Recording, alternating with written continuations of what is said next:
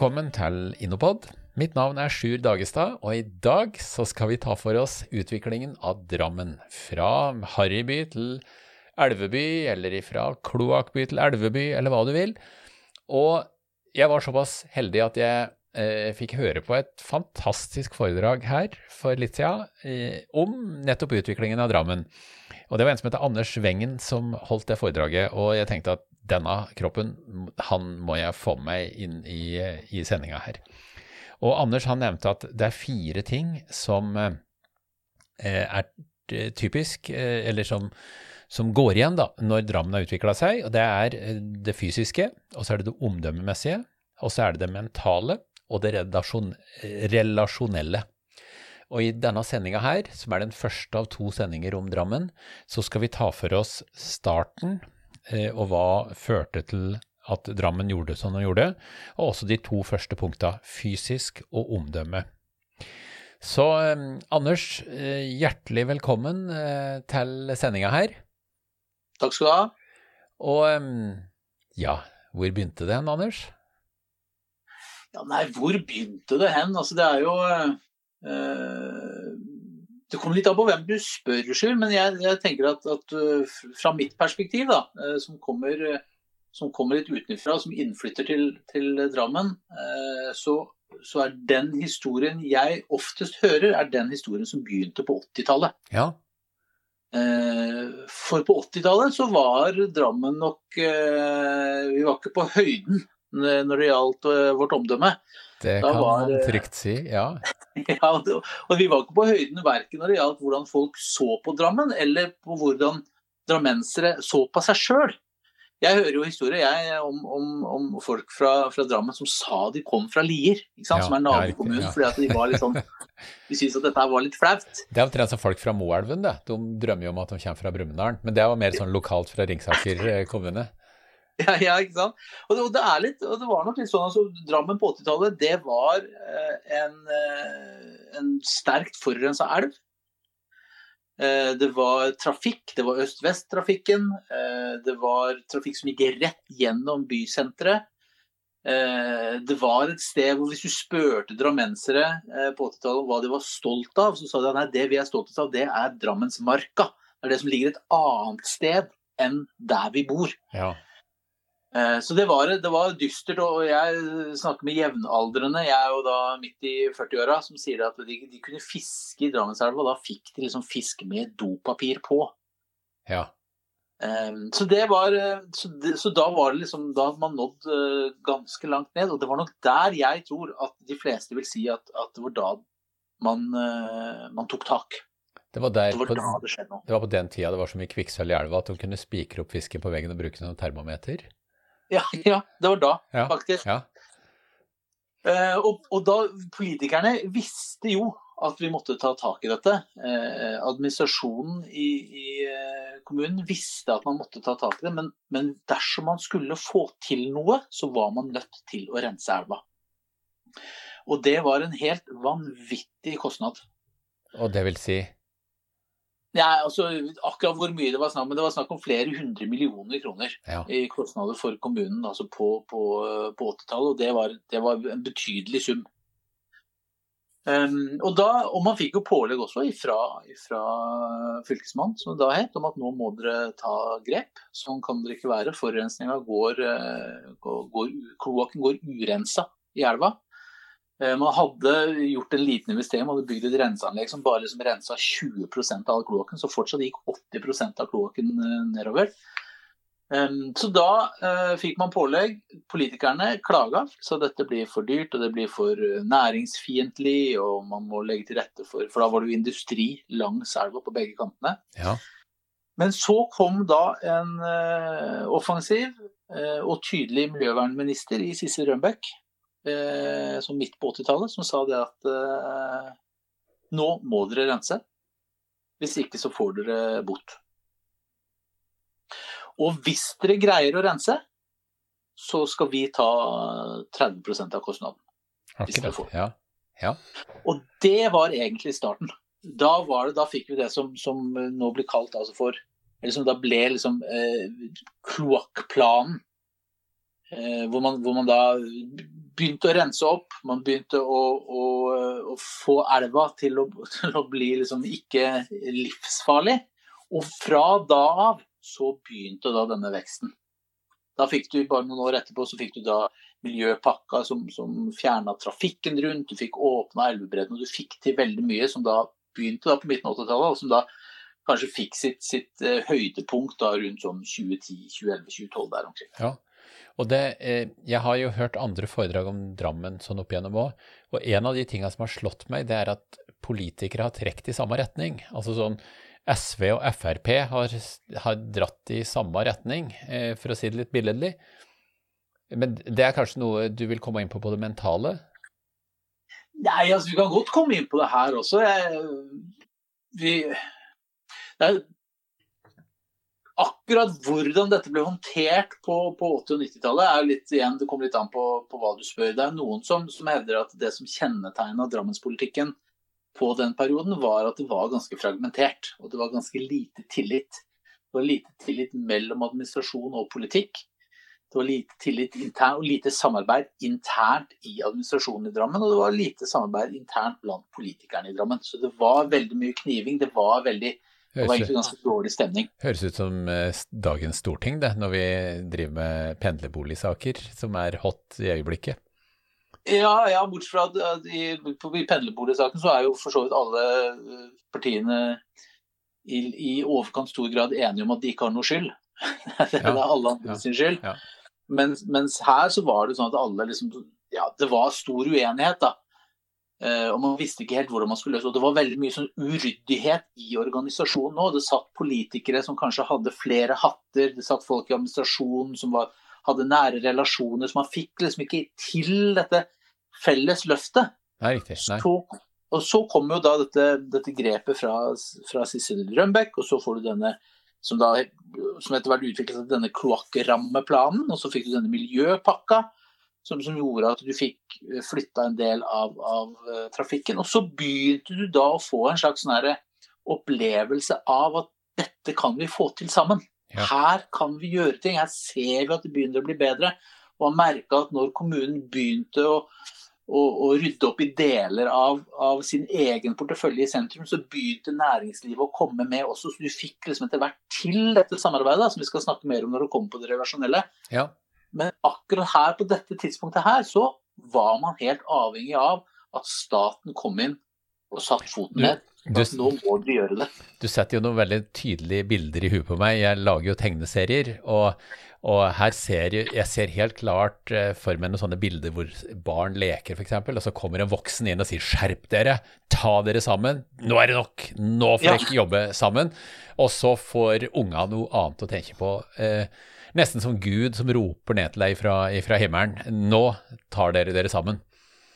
Ja, litt sånn nå tar dere dere sammen. Og så fikk man en slags sånn erkjennelse av at her må vi ta grep. Og da skjedde jo noe av det som jeg også syns er øh, veldig, veldig besnærende med hele denne historien, er jo også at ganske tidlig altså Rønbeck øh, kom vel inn som miljøvernminister i 86, tror jeg.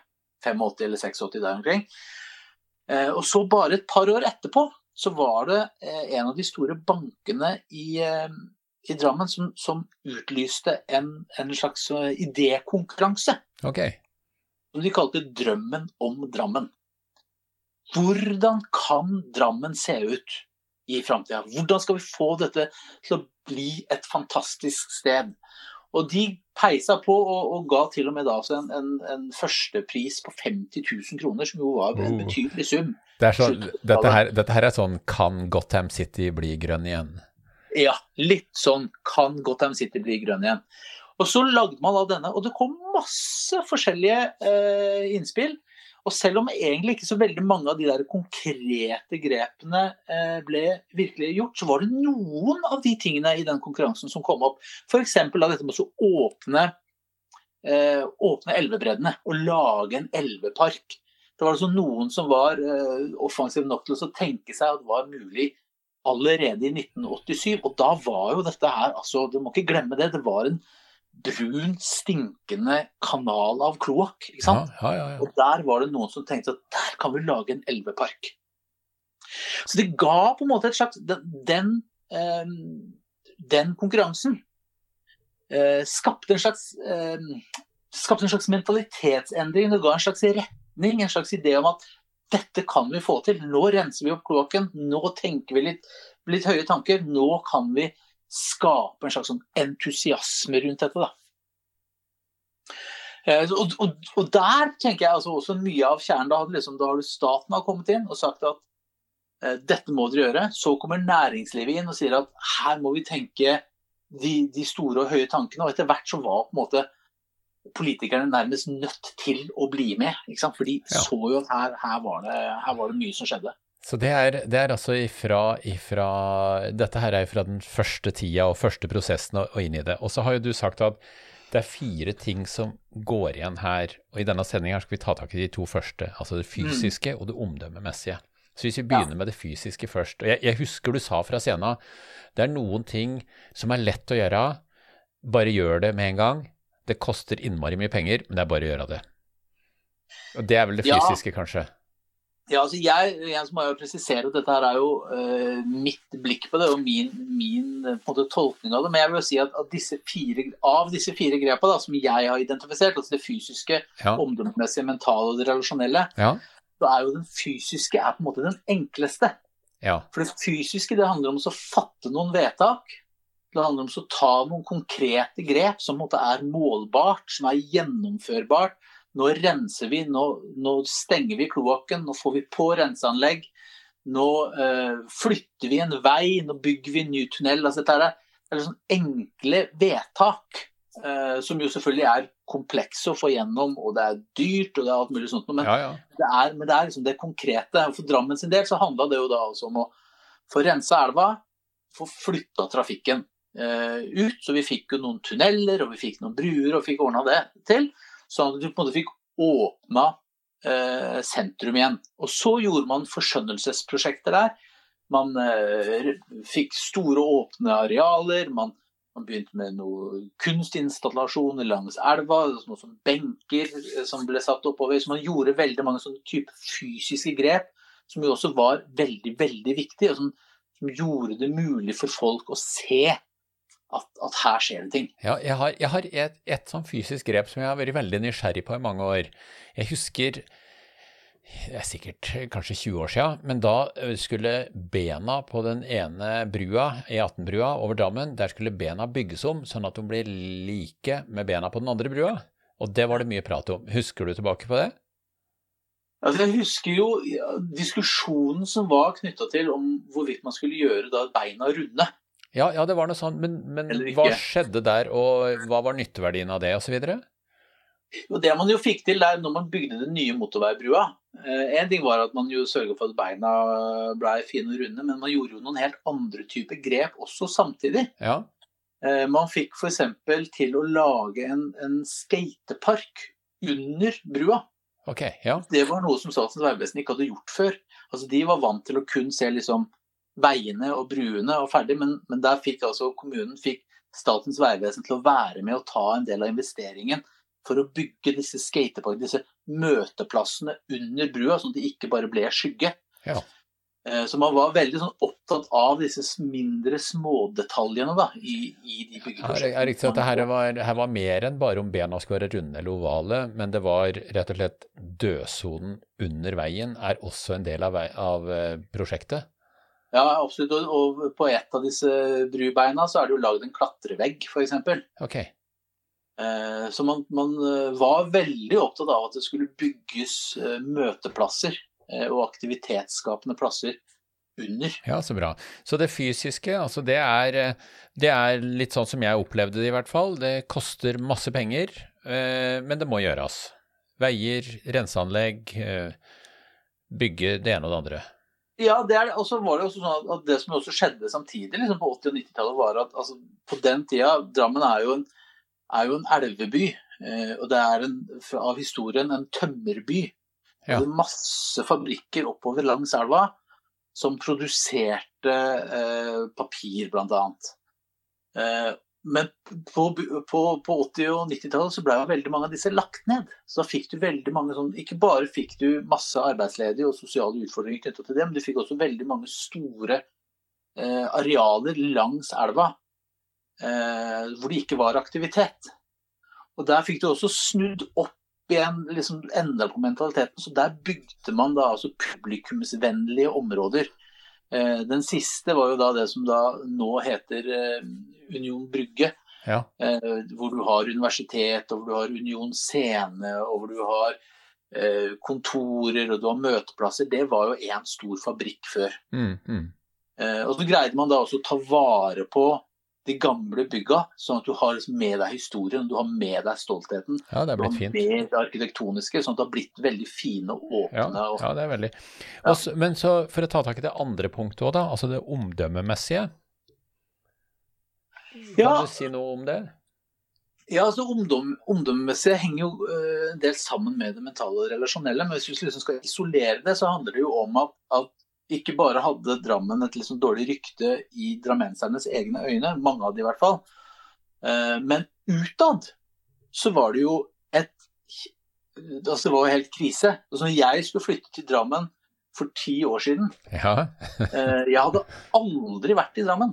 eh, Som jeg husker jeg hadde sikkert kjørt gjennom eller kjørt over. Så, du- Men så, så, aldri tilbrakt tid her. så du hadde ikke hatt en time i Drammen, men en dram i timen, det kjente du til? Det kjente jeg til. Og da når vi skulle flytte så sa kona mi sa sånn, ja, hva med å flytte til Drammen, da? Eh, Og da sa jeg det er det eneste stedet som er uaktuelt. Ja. Jeg kan flytte til hvor som helst i dette landet, men jeg skal ikke flytte til Drammen. Og jeg hadde ingen grunn til det. altså Jeg hadde jo som sagt aldri vært her, aldri tilbrakt noe tid der. Men, men det var liksom min sånn ryggmargsrefleks. Mora mi, som er fra Asker, hun sa når vi nevnte at vi skulle flytte til Drammen, så sa hun uff da. Ja, ja nei, men jeg, jeg, jeg skjønner det veldig godt som, eh, som eh, innbygger av kongeriket Norge gjennom eh, et halvt århundre og litt til. Ja, Drammen hadde et veldig dårlig rykte, altså. hadde et veldig dårlig rykte, og til dels fortjent veldig dårlig rykte. Men da tok man jo da tak i den omdømmegrepet. Så gikk jo da kommunen sammen med næringslivet, og så lagde de noen omdømmekampanjer, som du for så vidt har fortsatt nesten helt opp til i dag. Altså hvor man, hvor man aktivt går ut til næringslivet, man går aktivt ut i media, man går aktivt ut for å selge dette nye bildet av Drammen. Eh, og Der eh, hører det med til den historien, og der spilte jo også Drammens Tidende, altså lokalavisa, en veldig veldig viktig rolle. De eh, fortsatte med sin, sin, sin journalistiske kritikk og, og avstand til, til, til makthaverne, men samtidig ble de opptatt av å bygge opp omdømmet til Drammen. Eh, Så de bidro i en del av disse kampanjene. Og de, bidro, og de sørga for at man begynte å skrive de positive sakene også om alt det bra som skjedde. Ja, vet du hva, det, Eh. det har vi sett i andre sammenhenger. Når jeg drev i andre innovasjonsprosjekter, så har vi sett hvordan Hallingdølen er med og løfter og, og bygger, eller Ringerikes Blad har gjort det samme. Mm. Og så ser vi andre steder eh, lokalaviser som har tolka rolla si på en helt annen måte og skal være vaktbikkje i ett og alt, og, og blir, en, blir sånn omtrent som den eh, tornen du har fått i, i under foten. Ja, og det er, men jeg, jeg tenker jo lokalmedia har jo en liksom vanskelig balansegang der. Da. Drammens Tidende her har jo nå de siste årene fått litt, litt kritikk for at de på en måte har kost med misnøyen, og at de har vært i overkant kritiske når de har, når de har satt fokuset på ting som er nødvendig å sette fokus på. Ja. Eh, Så så, de, så de går jo på en veldig sånn tynn linje i forhold til å ikke bli bare eh, heiagjeng. Eh, Men, men da, var, da tok de eh, et ganske sånn bevisst valg i forhold til at vi skal være med og løfte byen. Vi skal være med og bedre omdømmet til denne byen. Eh, Men greide fortsatt altså å sette et, et kritisk blikk på det som foregikk. Og det omdømmeprosjektet, går det fortsatt, eller er det Ja, vi hadde, vi hadde det som het Omdømmeprosjektet, som var et samarbeid mellom kommunen og, og Næringslivsforeninga. Ja. Eh, holdt på helt fram til, til 2016. Eh, og da begynte man på et nytt prosjekt, som var, var mer sånn attraktivitetsprosjekt knytta spesifikt opp imot eh, mot, eh, mot næringsliv. Og man gjorde noen sånn spesifikke valg. Nå skal vi bli mer tydelig knytta til være en kontordestinasjon, være reiselivsdestinasjon, vi skal bli en gründerby. Så man gjorde sånne type grep, men det har fortsatt et omdømmeelement i seg. Ja. Eh, Men at man da ser kanskje vel så mye på å, å fylle byen selv med innhold, og ikke bare jobbe, jobbe eksternt. Ja. Anders, dette her har vært helt uh, supert. Og til deg som lytter, dette her er det første av to programmer om Drammen. Eh, transformasjonen fra kloakkby til elveby. Og vi har vært gjennom de to første av de fire punkta, altså fysisk og omdømme. Og i neste sending vil du få høre om det mentale og det relasjonelle. Og i tillegg så skal vi kikke litt på veien videre, altså framtida for Drammen. Og hvis du lurer på han kroppen som du har hørt på, altså Anders Wengen, hvem er han? Så er Anders eh, altså da innbygger i Drammen. Han er lokalpolitiker i Drammen. Og viktigst av alt, jeg var og hørte på et fantastisk foredrag som han holdt. Så hvis du er interessert i foredrag med Anders Wengen, så jeg, vil jeg absolutt anbefale deg å snakke med han, for det var nydelig å høre på. Mitt navn er Sjur Dagestad. Lydmannen i denne sendinga her er nå som før Peter Strøm. Hjertelig tusen takk for at du hørte på oss, og velkommen til eh, sending nummer to om Drammen.